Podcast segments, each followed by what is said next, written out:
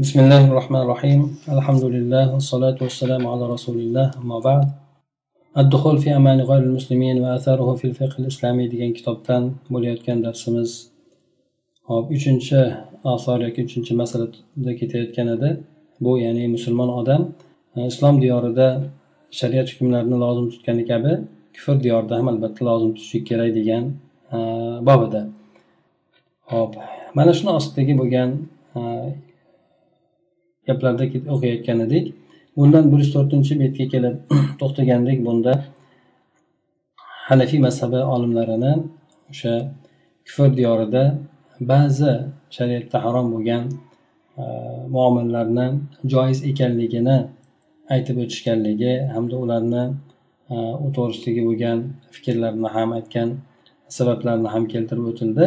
Yana shu mavzuni davom ettirib aytadiki فمن دخل تلك الدار بأمان ترتب على دخوله عند الحنفية أمران mana shunga ko'ra kim kufr diyoriga omonlik bilan kiradigan bo'lsa ya'ni doril harbga bir omonlik bilan kiradigan bo'lsa omonlik bilan kirishligi viza bilan kirishligi ular qabul qilishligi mana aytaylik qochoq deb qabul qilishligi bo'ladimi hammasi demak omonlik bilan kirishlikka e, ostiga kiradi mana uni kirganligiga hanafiylar mazhabida ikkita ish bundan kelib chiqadi deydi ya'ni ikki ish buni izidan kelib chiqadi birinchisi الالتزام بموجبات عقد الأمان فلا يخونهم ولا يغدر بهم وقد ذكرنا نصوص أئمة الحنفية في تقرير هذا وهم أكثر الفقهاء توثقا في هذه المسألة bu yerda omonlik aqdi talablarini lozim tutishlik omonlik bilan kirgandan keyin o'sha omonlik talablari shartlari nimalardan iborat? Ana o'sha narsalarni lozim tutishlik. Bularga keyin xiyonat qilmasligi ularni aldamasligi.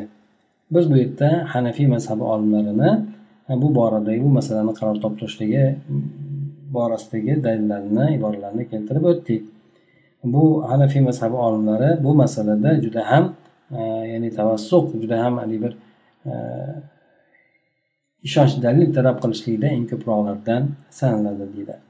Ikkinchidan bu birinchidan ikkinchidan أن أهل دار الحرب وإن أعطوا أمان لمسلم أو لجماعة من المسلمين فهم لا يزالون حربيين في أصل علاقاتهم مع المسلمين وقد تقدم أن العدو المحارب لا حرمة له في دمه ولا في ماله لهذا فإن المسلم الذي يدخل ديار أهل الحرب لا يرى لهم أي حرمة ويود لو تمكن من أنفسهم وأموالهم لكن يمنعه من ذلك التزامه بعقد الأمان فلو قدر تمكنه من أخذ بعض مالهم بوسيلة لا تنافي موجبات الأمان لبادر إلى ذلك ikkinchidan aytadiki ya'ni doril harb doril harb shu kundagi musulmonlar bilan ularni o'rtasida urush bo'lib turgan diyor hisoblanadi doril harb bular garchi ular musulmon bo'lgan odamga omonlik bergan bo'lsa musulmon bo'lgan odamga yoki musulmonlardan bir majmuasiga bir jamoasiga omonlik bergan bo'lsa ham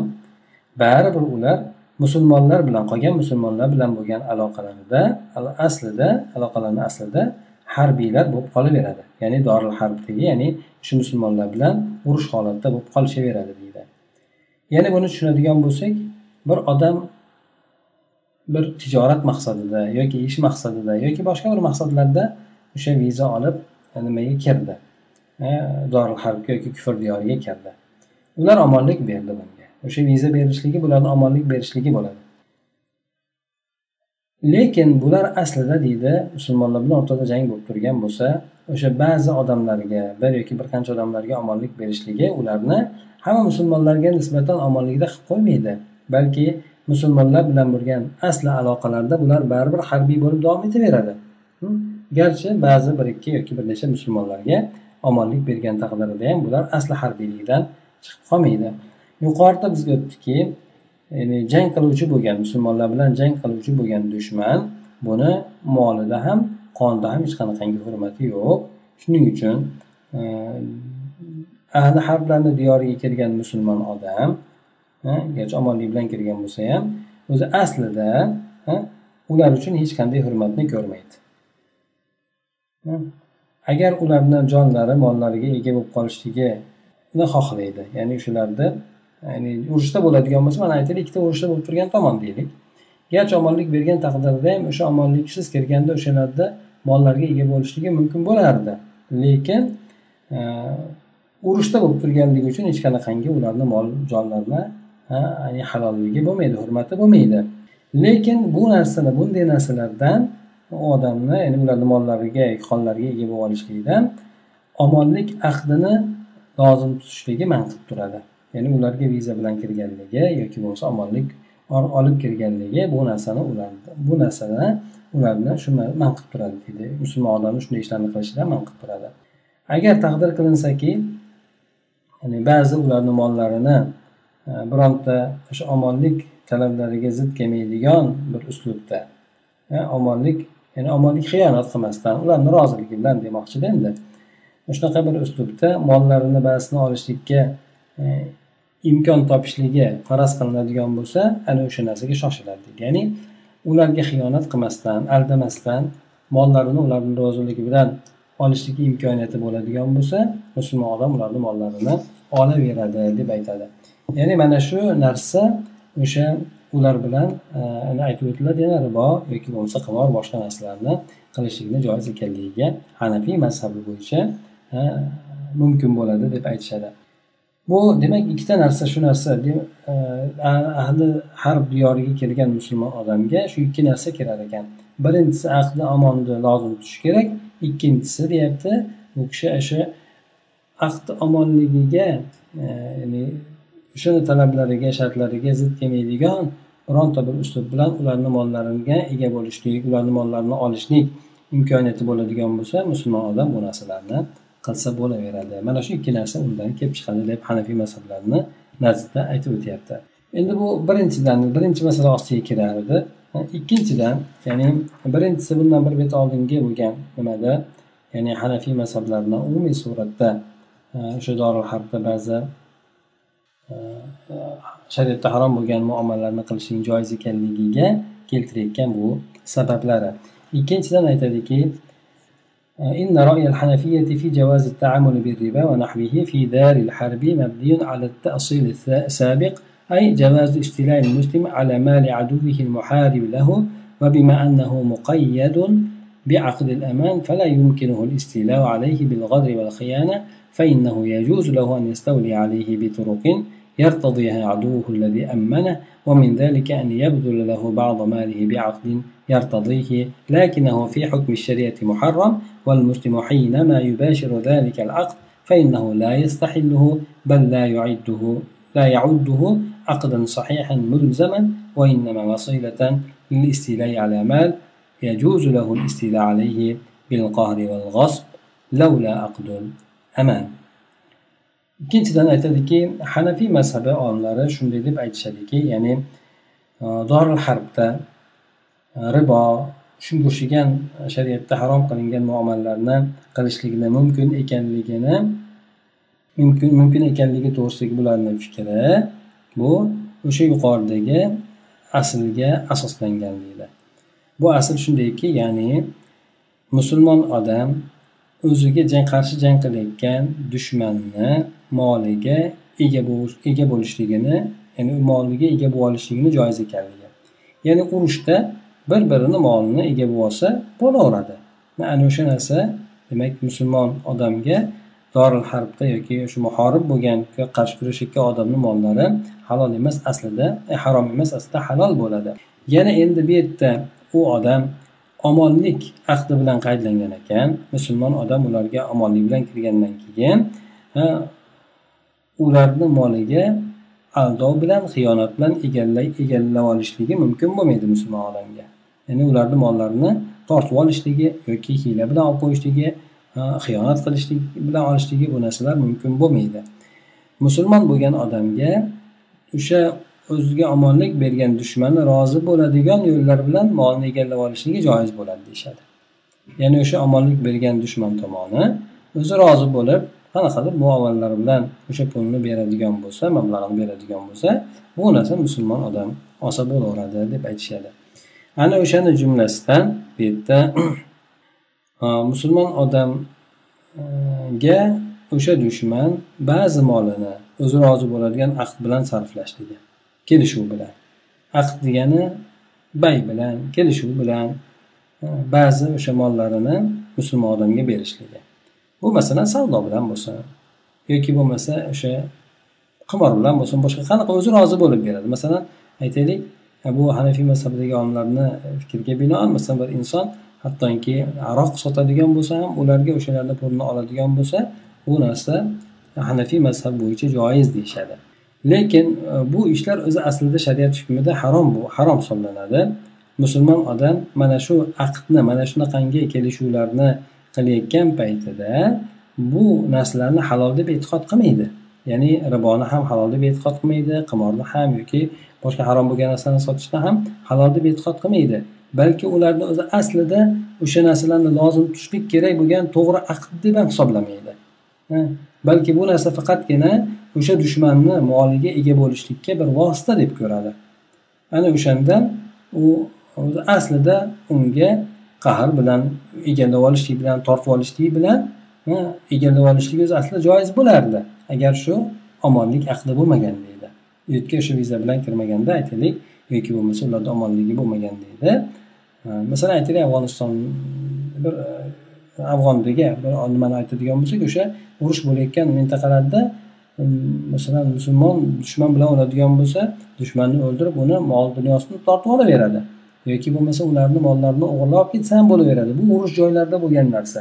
Xuddi shunday demak o'sha urush jang qilayotgan tomonni mol qonuni hurmati bo'lmagan hurmati bo'lmagani kabi demak o'shalarni o'zini diyoriga boradigan bo'lsa ham hurmati bo'lib qolmaydi balki bu yerda inson ularga omonlik bilan kiradigan bo'lsa omonlik shartlarida shu narsa bo'ladiki ularni mollarini tegmaslik ularni o'sha qonuni bo'yicha aytaylik o'sha xiyonat qilmaslik boshqa narsa talon taroj qilmaslik mana shu narsalarni musulmon odam lozim tutishligi kerak bo'ladi. Ana o'sha jihatdan ularni mollarini xiyonat aldov yo'llari bilan olishligi musulmon odamga harom bo'ladi. Lekin ular rozi bo'ladigan yo'llar bilan bo'ladigan bo'lsa olishligi joiz deb aytishgan ekan.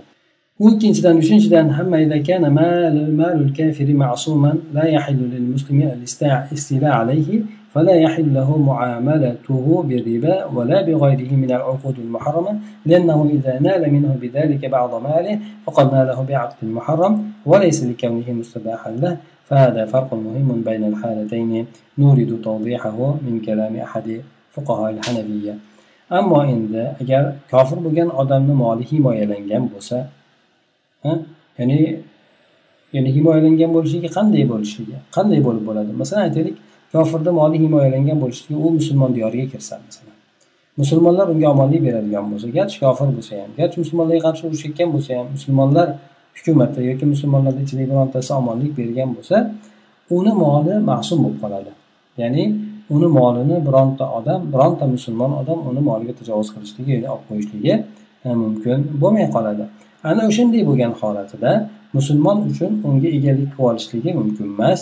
Shuningdek u odamga o'sha kofir bo'lgan odamga moli himoyalangan kofir bo'lgan odamga sudxo'rlik bilan yoki bundan boshqa harom aqdlar bilan muomala qilishiga ham halol bo'lmaydi harom bo'ladi.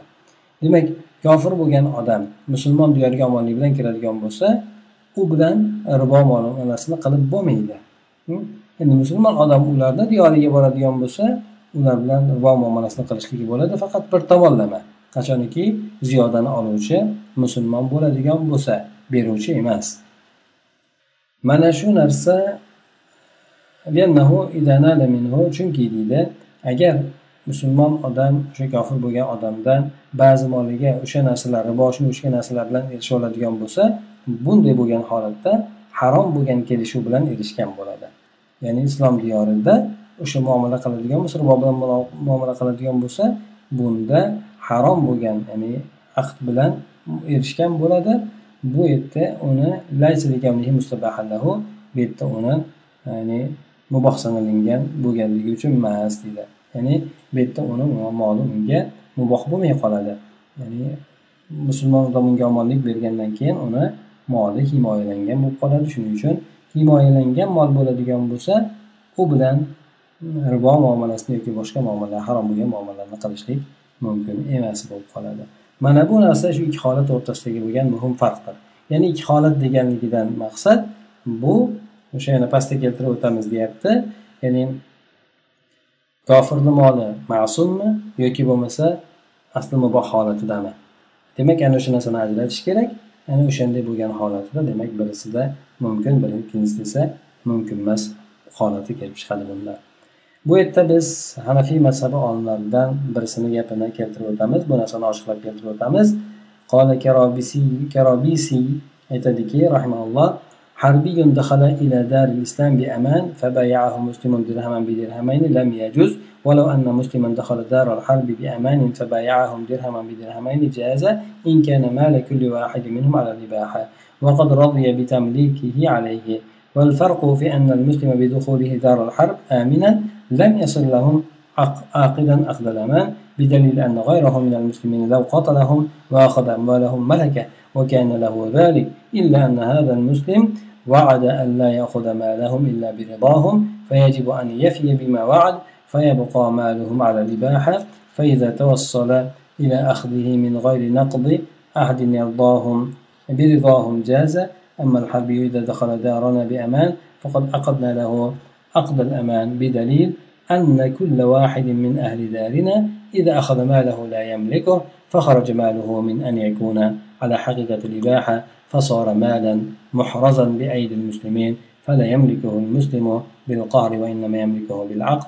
وتمليك دارهم بدرهمين تملك درهم بدرهمين بالعقد يكون ربا فلم يجوز.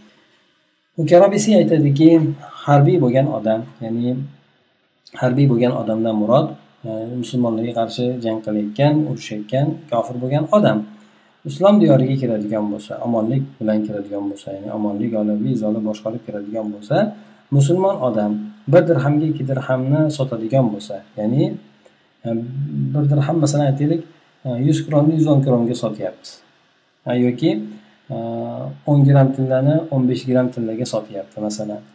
Mana shunaqa bo'ladigan bo'lsa yoki mm, o'nta kumush tangani o'n beshta kumush tangaga sotyapti bir xil bo'lgan nimaga. Bu narsalar joiz bo'lmaydi. Hmm. Ya'ni bu narsa ribo bo'ladi zotxo'rlik bo'ladi. Endi bu omonlik bilan kelgandan keyin aytib o'tdik uni moli omonlik omon bo'lib qoladida ana shu jihatidan muomala qilishligi mumkin emas. Endi musulmon odam doril harbga kiradigan bo'lsa omonlik bilan.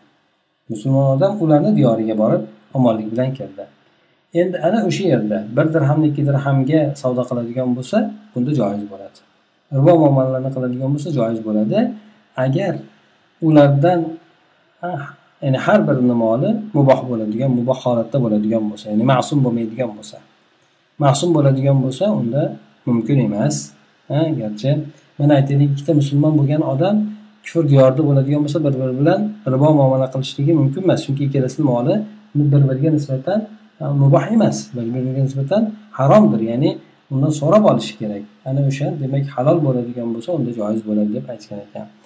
Yana undan tashqari o'shani unga egalik qilib berishligiga rozi bo'ladigan bo'lsa ya'ni birov biror odamdan bir narsa sotib oladigan bo'lsa masalan bir odam aroq sotyapti undan pulni berib turib aroq sotib oladigan bo'lsa pulni o'zi rozi bo'lib berdi. Ana o'sha narsani e'tiborga olib aytilyapti. Bu yerdagi demak farq shuki musulmon odam doril harbga kirishligi bilan e, omonlik holat omonlik so'rab yoki omonlik holatda kirishligi bilan kofirlar uchun e, omonlik ahdida ahd qilgan odamga aylanib qolmaydi. Bir musulmon odam kufr diyoriga kirib o'shalarda omonlik bilan kiradigan bo'lsa yoki ahd omonlikka olib kiradigan bo'lsa bu hamma musulmonlar uchun demak ahd omonligini olmagan bo'ladi. Yoki ularda hammasiga ahd omonligi o'tmagan bo'ladi. Shuni dalil bilanki deydi bu yerda boshqa bo'lgan musulmon odamlar o'sha omonlik bilan kirgan odamdan boshqa musulmon bo'lgan odamlar o'sha joydagi bo'lgan musulmon odamlarni kofirlarni yoki bo'lmasa o'sha joylik bo'lgan kofirlarni o'ldirishib qo'yadigan bo'lsa ularni mollarini olib oladigan bo'lsa unda u mollarga ega bo'lishaveradi. Chunki mana shunday bo'lishlik ular uchun mumkindir. Bu narsani demak aytib o'tdik. O'rtadagi bo'lgan narsa aqlul omon faqatgina o'sha shaxsni o'ziga yoki o'sha jamoani o'ziga sanaladi. Lekin bu yerda musulmon odam ularni mollarini faqat rozilik bilan olishlikka va'da qilib qo'ygan.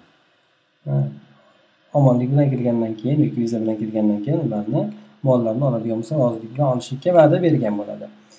Mana bu o'rinda demak u va'da qilgan narsasiga vafo qilishlik kerak bo'ladi. Ularni mollari lekin kofirlarni mollari asli mubohligida qoladi. Ya'ni boshqa musulmonlar ularga hujum qilib olishligi bo'laveradi. Ammo harbiy bo'lgan odam ya'ni o'sha kofir bo'lgan musulmonlarga qarshi kurashayotgan kofir bo'lgan odam endi bizni diyorimizga omonlik bilan kirib keladigan bo'lsa biz unga omonlik ahdini beradigan bo'lsak shu dalil bilanki bizni diyorimizdagi hamma odam uni molini oladigan bo'lsa moliga egalik qilolmaydi. Uni molini oladigan bo'lsa u xiyonat qilgan bo'ladi qaytarib berishlik kerak uni mulkiga aylanib qolmaydi. Demak uni moli bizni diyorimizga kelgan kofir bo'lgan odamni moli asli haqiqati ya'ni mubohlik haqiqati bo'lishligidan chiqib ketadi. Asli muboh bo'lmay qoladi. Uni moli esa musulmonlarni qo'lida himoyalangan saqlangan molga aylanib qoladi. Musulmon odam uni tortib oladigan tortib olishlik bilan egallay ololmaydi balki uni aqd bilan egallashi mumkin savdo sotiq qilib oldi berdi shunaqa narsalar qilib uni molini egallashi mumkin musulmon odam. Endi bu yerda shunday bo'ladi ekan bir dirhamni ikki dirhamga aqd bilan sotishligi ya'ni u bilan ribo muomalalarni qilishligi mumkin emas bu ribo bo'lib qoladi haqiqatdan bu esa joiz emasdir deydi.